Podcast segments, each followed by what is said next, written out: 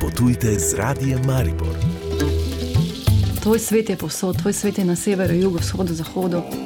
V Nepalu sem imel dejansko nekako cel čas občutek, da gledam svet v malem. Ja, Afrika je mama sveta. Nič ni daleč, ne. meje si samo v glavi postavimo, kaj je daleč. Ne. Lepote Slovenije, doživetja, skriti kotički in zanimivosti. Vsekakor je pa tudi kulinarika tukaj. Doživite Slovenijo, spoznajte svet z Natašo Kuhar.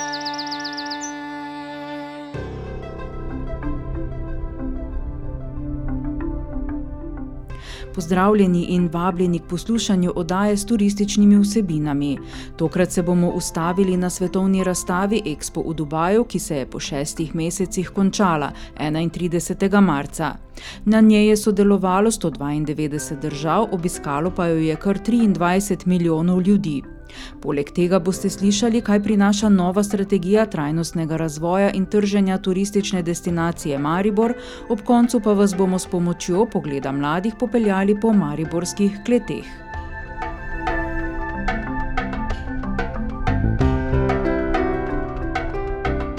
Svetovna razstava Expo 2020, ki se je začela 1. oktobra lani, se je s koncem marca končala. Slovenski paviljon si je v tem času ogledalo skoraj milijon obiskovalcev, poslovno središče pa je gostilo več kot 200 dogodkov z udeležbo 600 podjetij. Gospodarski minister Zdravko Počivalšek o uspešnosti razstave. Dubajski Expo je našo državo stal eh, slabih 11 milijonov eh, evrov. Jaz najprej mislim, da je Eh, bila naložba v predstavitev na Dubajskem Expo smiselna in številke, ki so bile dosežene in ki so zastavljene za naprej, kažejo, da je bila ta naložba v Expo dobra. Na drugi strani si prizadevamo in si bomo prizadevali eh, za povečanje turističnega prometa, seveda pa pri teh stvarih pomembno, da se obdrži tudi dobra letalska povezava, ki je bila tudi po zaslugi naše pravočasne odločitve za naš samostojen paviljon v Dubaju spostavljena. Verjamem, da so zdaj številke izkoriščenosti obstoječe linije take, da uh, smo lahko optimistični. Na tem področju, da se bo število povezav povečalo, seveda pa eh, bodo te povezave ostale take ali pa se povečevale, če bomo vzdrževali tudi ta gospodarski del v prihodnje, kajti to je edina osnova za to, da obdržimo komunikacijo. Generalni komisar Slovenije za Expo Matice Vovk ni skrival zadovoljstva, da je slovenski paviljon zabeležil v zadnjih dveh tednih rekorden obisk. Obiskovalci pa so bili po njegovih besedah najbolj navdušeni nad zelenim okoljem, slovenskim znanjem in prebojnimi idejami. Naš paviljon je bil že od ozuni nekaj posebnega, ker morate vedeti, da je naša zelena fasada največja zelena fasada v, v Dubaju, sestavljena iz 42.500 sedik in ko so ljudje sploh iz tega okolja prihajali na naš paviljon, je bilo že to ta dodana vrednost, ki je pritegnila. Potem smo jim povedali, da je Slovenija prva zelena destinacija na svetu, da imamo 60% površin pokritih z gozdovi, da imamo dejansko, da smo European Region of Gastronomy uh, in tako dalje in tako naprej. To so bile vse neke, neke dodane vrednosti, ki so ljudje potem začeli razmišljati o tem, kako na kakšen način bi prišli v Slovenijo. Kar nekaj smo imeli tudi konkretnih uh, primerov, ko so ljudje rekli, ok, po, po predstavitvi Slovenije, ko sem dejansko spoznal, kakšna je Slovenija z vidika naravnih lepot, pa turističnega potencijala, grem v Slovenijo. Ena gospa, recimo domačinka iz, iz Združenih arabskih emiratov, je naslednji dan prišla z letalsko karto in rekla, da naslednji teden potujem v Slovenijo, ker sem bila toliko navdušena naravnimi lepotami. In to je v bistvu ta. To bistvo, tudi ekspo kot takšnega, če zanemarimo zdaj poslovni del, ki je bil naša prioriteta, ampak to so te zgodbe, ki so v bistvu bile še toliko bolj pomembne, pa še toliko bolj zanimive in ko so nam dali neko potrditev, da smo tudi skozi predstavitev za splošno javnost šli v pravo smer. Namen naše udeležbe na Expo je bil umestiti Slovenijo na svetovni zemljevid kot trajnostno in hkrati visokotehnološko in inovacijsko državo, slovensko gospodarstvo in Slovenijo promovirati kot turistično destinacijo in povečati prisotnost slovenskih izdelkov in storitev tako na trgu Združenih arabskih emiratov kot na svetovnem trgu. Vodja projekta in programa na Expo 2020 Dubaju Anuša Gaši. Ja, najprej je treba povedati, da je bila izvedba EXPA zaznamovana z več eh, velikimi izzivi. Ne? Začela se je z epidemijo, zaradi tega je bil EXPA v osnovi že predstavljen iz leta 2021, končala pa z um, vojno v Ukrajini. Vse to je nalagalo državam, eh, ki so sodelovali na EXPO, veliko breme, če temu tako rečemo. In moramo biti tudi zaradi tega nad številkami, ki smo jih dosegli, več kot ponosni. V zadnjih dveh tednih je bilo obiskovalcev na našem paviljonu res izjemno veliko. Torej, blizu milijona obiskovalcev na našem paviljonu, kar je izjemna številka. Če k temu dodamo približno 600 podjetij, ki so sodelovali kot razstavljavci ali pa kot člani delegacij, so to številke, ki so v vseh merilih bile presežne in ki jih, si jih recimo lani spomladi, ko smo se pripravljali na EXPO, nismo mogli niti, niti zamišljati. Naslednji ekspo bo leta 2025 v Osaki. Po kratkem predahu se bomo vrnili na domača tla v Maribor, kjer so pred dnevi predstavili novo turistično strategijo. Lepote Slovenije, okusna doživetja, zanimivi ljudje. Potujte drugače, potujte z radijem Maribor.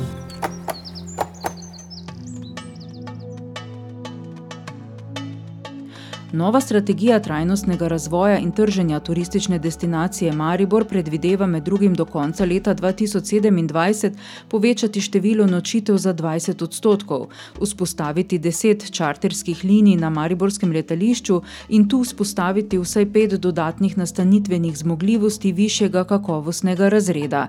Župan Saša Arsenovič. Kar si želimo je to, da bi to mesto in regija bila sva v prvi vrsti najboljša za nas, ki tukaj vedno uh, živimo. Dolgoročno pa si želimo seveda biti gostoljubni, kar smo že od nekdaj, in nagovarjati uh, obiskovalce, ki bi ostali tukaj dalj časa, da bi lahko vse naše bisere spoznali, ne tiste turiste, ki pridejo z avtobusom, pojejo poceni kosila in takoj gredo, ampak dejansko obiskovalce, nekoga, ki bi z nami tudi delil svoje obzorja. In uh, smo pred nekim izzivom, da ko smo se ukvarjali z blagovnimi znamkami in vrednostjo blagovne znamke Maribor, Pohore ali Štajerska, smo ugotovili, da imamo vrednostno relativno prazne kozarce, torej majhne vrednosti teh blagovnih znamk in smo se začeli ukvarjati s tem, da bi vrednost blagovnih znamk naraščala tako Pohorja kot Štajerske, kot seveda mesta Maribor. In skupno vsem tem blagovnim znamkam je, da jih povezuje mesto Maribor, ki to tudi v največji meri organizira, financira in ima lahko od tega tudi največ multiplikativnih učinkov in kot največje mesto za skoraj 115 tisoč prebivalci smo tudi največja zagonska sila lahko vsem tem projektom. Torej naša želja je, da bi nekoč o Mariboru govorila kot, kot o nekih mestih, ki se nam tako ustvari neka slika, eh, Bilbao, Barcelona, ne, Berlin, Graz, München in gremo v New York, Amsterdam, meje so odprte. Eh, na drugi strani je Pohorje morda lahko si želimo, da bi bilo tako povezano, tako uspešno kot velika regija, naprimer Dolomiti, in da bi Štajerska pomenila nekoč nekaj, kar danes že pomenijo v Sloveniji Brda ali, če grem spet na Italijo, Toskana. Po županovih besedah sta tudi za prihodnji turistični razvoj ključna sodelovanje in povezovanje. Strateški dokument so začeli snovati junija lani v sodelovanju občine, Mariborske regionalne razvojne agencije za podravje, Zavoda za turizem in podjetji Futura DDB in Movijo. Kot pravi direktor regionalne razvojne agencije Uroš Rozman, so k sodelovanju povabili ključne strokovnjake iz tukajšnje kulture, športa, turističnega gospodarstva in izobraževanja. Izvedli smo intervjuje z 70 strokovnjaki z področja kulture, umetnosti, izobraževanja, športa, turističnega gospodarstva in seveda tudi medijev.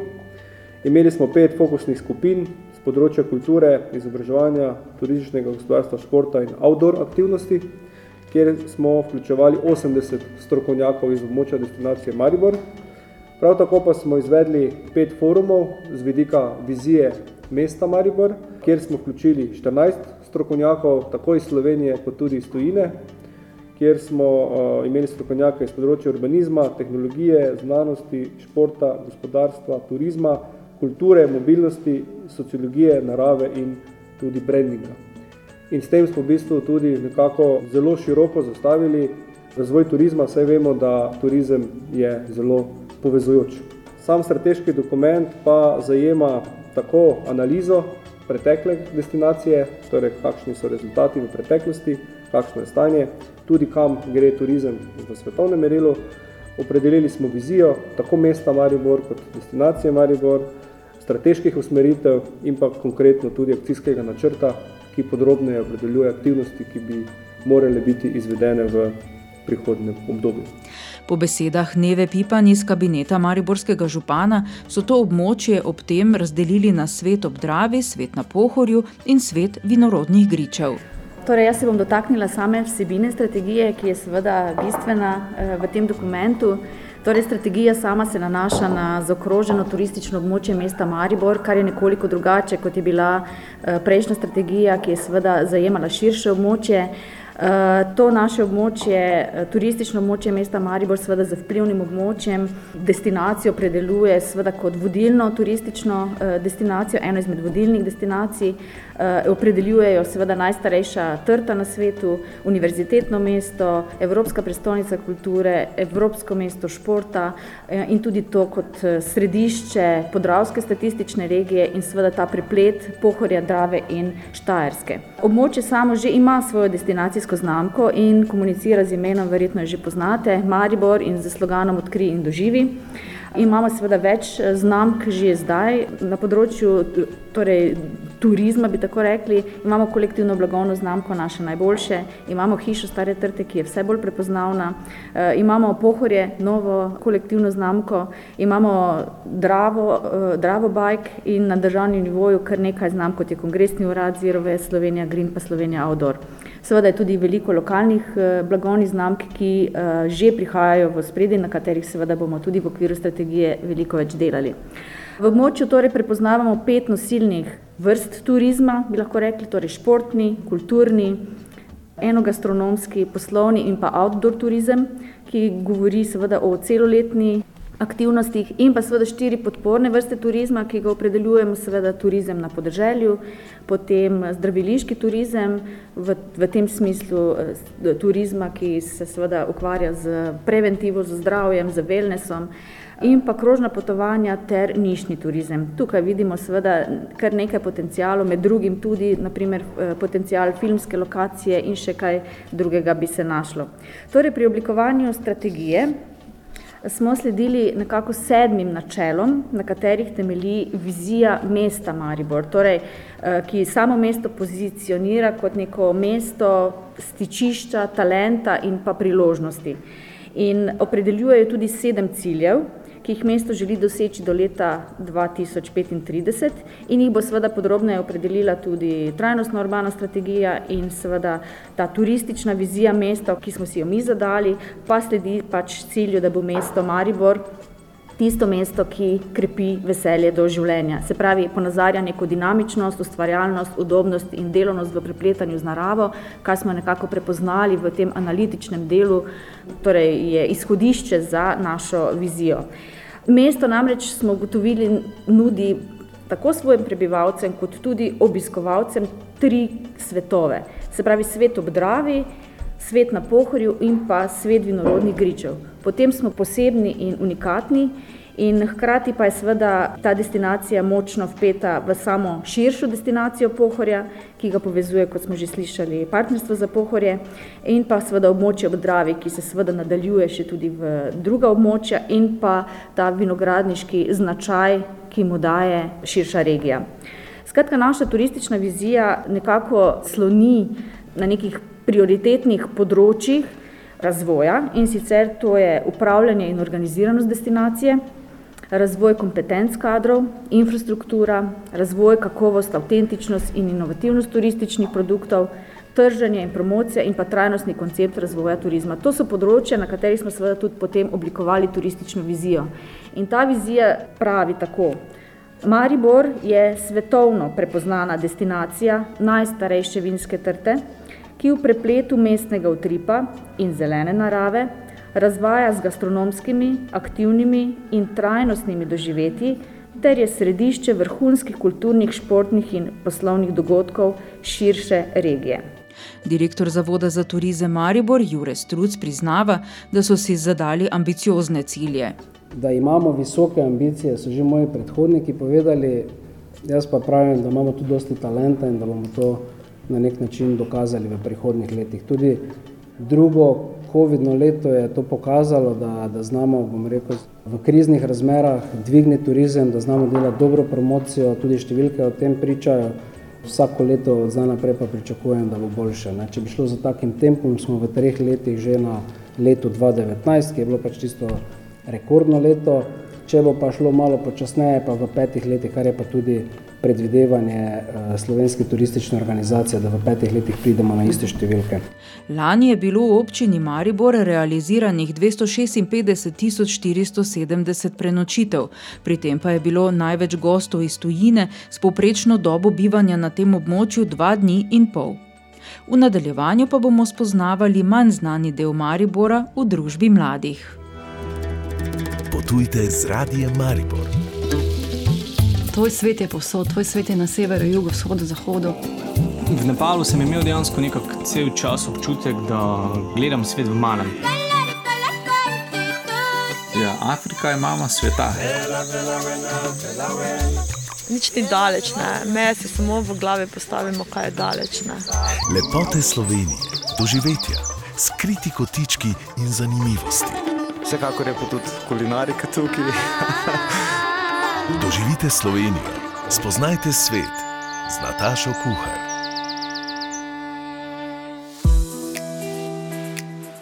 Kaj vse se skriva pod Mariborom in koliko ta svet Mariborčani sploh poznamo, v kakšnem stanju je kulturna dediščina, ki je dobesedno pod našimi nogami, kakšen je njen še neizkoriščen gospodarski, turistični in izobraževalni potencial, vse to so se spraševali mladi na svojem dnevu v okviru festivala sprehodov.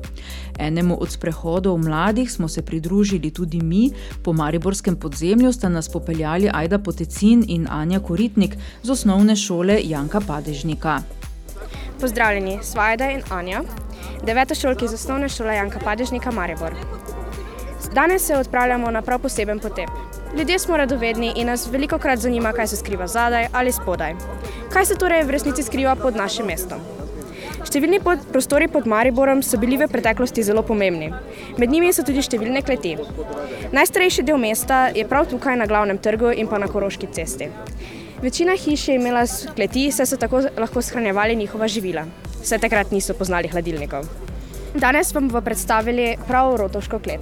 Rotovška klet je seveda povezana z izgradnjo Rotoža. Rotož je bila že privatna hiša v 15. stoletju, so pa jo prenovili potem v 16. stoletju, kar dokazuje tudi letnica na balkonu, torej leto 1565. Klet je še vedno iz, tako kot, izgleda tako kot včasih, torej pač še vedno imate oboke, ki jih lahko vidite na tej fotografiji. Tukaj pa naj bi bil tudi skrivni prehod, ki naj bi ga zgradili med drugo svetovno vojno in naj bi vodil do stolnice. Je pa tudi v mestnih hišah vladal poseben, kako, moralo, pač, kako so se morale nastrope imenovati. Torej, v kleti je vla, vladal Bacchus, gostišče, v pritličju Merkur, trgovski lokali, v prvem nadstropju Minerva, sejna dvorana, sobe svetnikov in uradnikov, v drugem nadstropju Mars in Jupiter, shramba orožja in sodišče, na podstrešju Ceres, zaloga hrane. V začetku 20, 19. in potem tudi v 20. stoletju so pa verjetno dali tudi vsaj del kleti v najem, saj je bila klet suha. Sedaj pa se bomo odpravili do frančiškanske cerkve.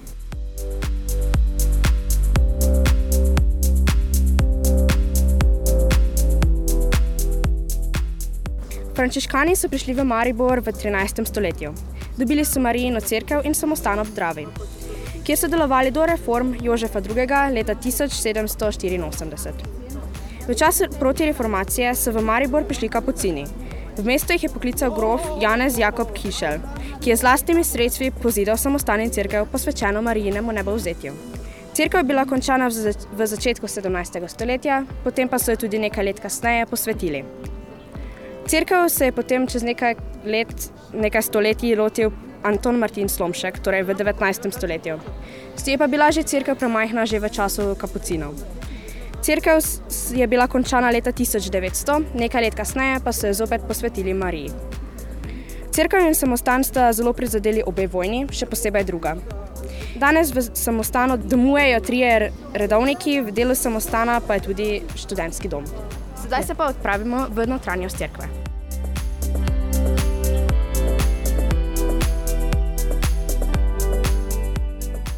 Torej, grobnica je razdeljena, torej ta grobnica tukaj, je bila tukaj zadaj, je razdeljena na tri dele. Prvi del je bil za kapucine, tu so pokopani tisti, ki so v času kuge v letu 1680 pomagali kužnim bolnikom in za kugo umrli tudi sami. Povedali so nam, da je tudi to eden izmed razlogov, zakaj te grobnice niso odprli, ker ne vejo, če je varno. V drugem in tretjem prostoru pa so pokopani člani plemiških družin, ki so se izkazali kot dobritniki kapucinskega samostana in cerkve.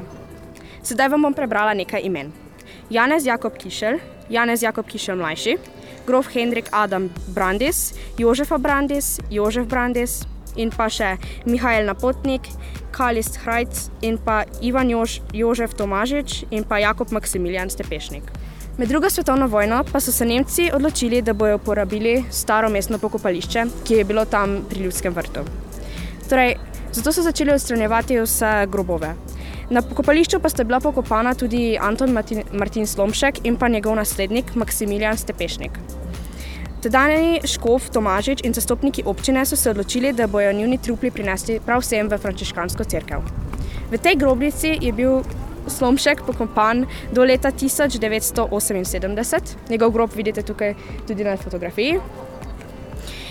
Takrat so pa se odločili, da bojo njegove posmrtne ostanke prenesli v stolnico, kjer je tudi deloval. Leta 1595 pa so njegove posmrtne ostanke prinesli v Križevo kapelo, kjer so še danes. Podkleten je tudi celoten samostan. Kleti, kleti so že prenovljene, so pa jih uporabljali za.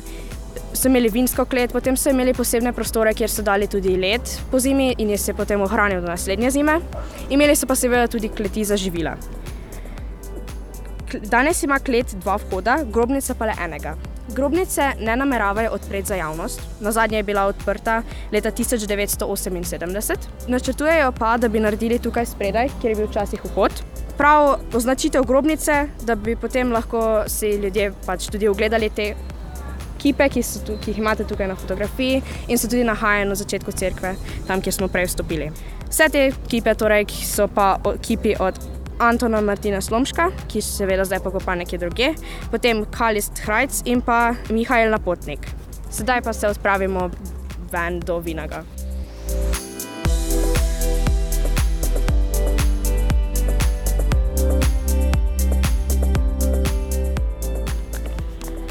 Sedaj smo pred Vinagovo kletijo. Njeno drugo ime je tudi tunelska vinska klet in je iz sredine 19. stoletja. Staro Pruglovo klet in Unionsko klet so leta 1949 povezali s predorom. Leta 1953 pa je bil končan hodnik, ki povezuje zgornji klasični del kleti s spodnjim pivovarniškim. Klet je velika 20 tisoč km2. Vhod pa se nahaja v razsežni dvonadstropni palači, ki je poleg poti bivšega srednjeveškega obrambnega jarka. Vinagova klet v Mariboru je ena izmed največjih in najstarejših klasičnih vinskih kleti v Evropi. Njena zmogljivost je 5,5 milijona litrov vina, vendar se sedaj v njenih sodih in cisternah nahaja le 2 milijona in pol. Ni veliko mest na svetu, ki bi imela v samem jedru tako veliko klet, kot je Vinagova v Mariboru. Njena zgodovina se začenja malo po letu 1800, ko je grajščak Alois Krajhuber, starejši, kupil melsko grašino od reda mateških vitezov. Posest je imel več vinogradov, ki so mu letno dajali približno 50 tisoč litrov vina. Takrat je na Štajerskem veljal za avtoriteto v vinarstvu. Leta 1835 pa je Alois starejši umrl. Njegov posel pa je prevzel sin Alois Krajhuber mlajši. Ta je bil prav tako podjeten in sposoben kot njegov oče. Okoli leta 1830 se je začela graditi železnica Dunaj-Trst. Alois Krajhuber je videl priložnost, da razširi družinsko gospodarstvo. Zemljišče je kupil leta 1836, klet pa so gradili med leti 1847 do leta 1858. 20 let kasneje se je Krajhuber umaknil iz vinske trgovine in prodal firmo novim lastnikom. Ti so postali Šilker, Rosman in Pugel. Šilker je čez nekaj časa umrl, zato sta ostala samo Pugel in Rosman. Leta 1902 pa je bila v Mariboru ustanovljena tudi prva kletarska zadruga, ki so jo vodili veleposestniki nemškega porekla. Pugel in Rozman sta družbo vodila do nacionalizacije leta 1945. Po osvoboditvi pa so ustanovili vinarsko zadrugo.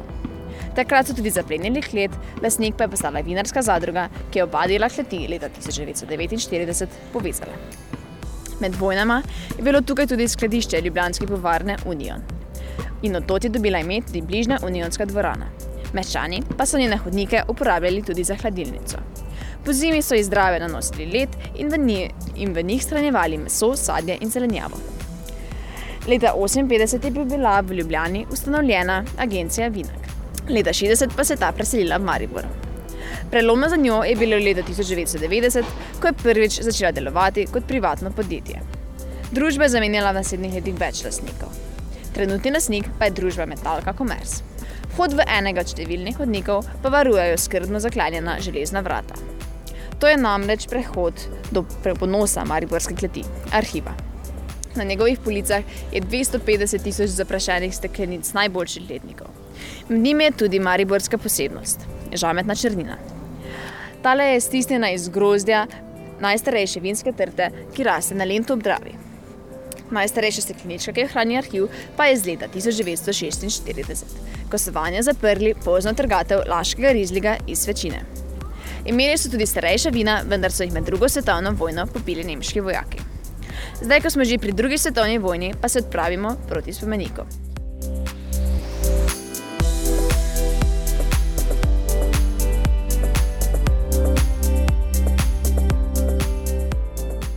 Spomenik nas spominja na drugo svetovno vojno. Takrat je delovala tudi tovarna letalskih motorjev Maribor. Ta se je nahajala na Tezno.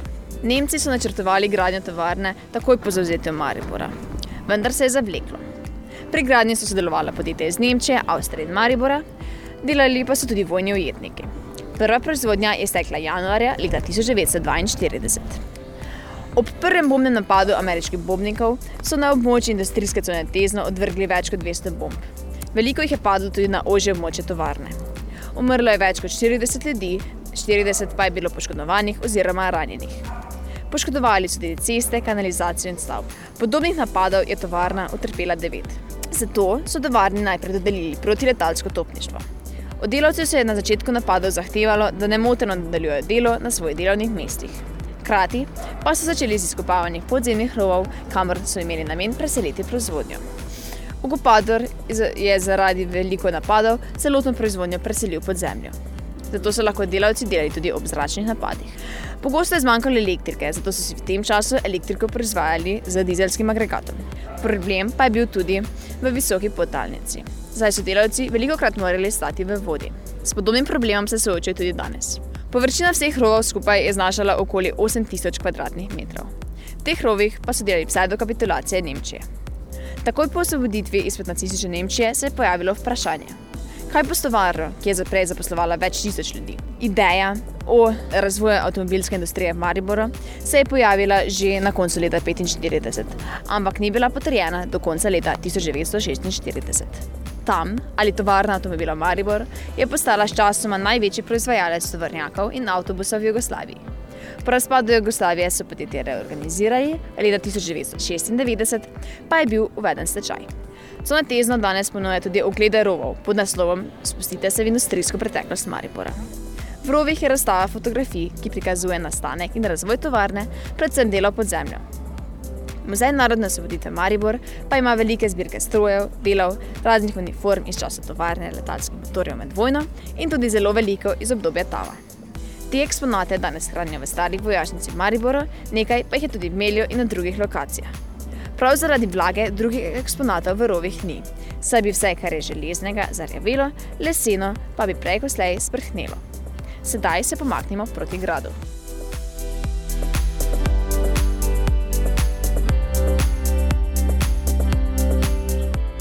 Na začetku smo vam želeli predstaviti tudi grajsko klet. Vse nas je zavedlo ime, ker v bistvu grajska klet sploh ni klet. Grajska klet namreč se nahaja na nivoju zunanjih površin. Tudi v preteklosti zaradi tlakovanja so se tudi nalagale različne plasti, tako da je tudi zdaj še vedno malo razlike, kako je bilo takrat in kako je danes.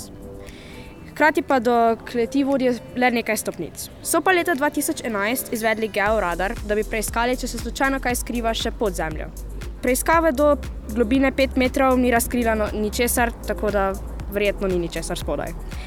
Današnji sprehod zaključujemo z urbano legendo. Nekoč je na Mariborski piramidi stal grad, to verjetno že vsi vemo. In Legenda pravi, da naj bi iz gradu na piramidi do gradu tukaj v mestu bil skriven rov, ki naj bi povezoval ta dva grada. In čeprav je verjetno to samo zgodba, se pod Mariborom v resnici skriva prav zanimiv svet. Hvala za pozornost. Z Aido in Anjo smo prišli tudi do konca oddaje. Pripravila svojo Goran Glavičič in Nataša Kuhar. Potujte z radijem Maribor.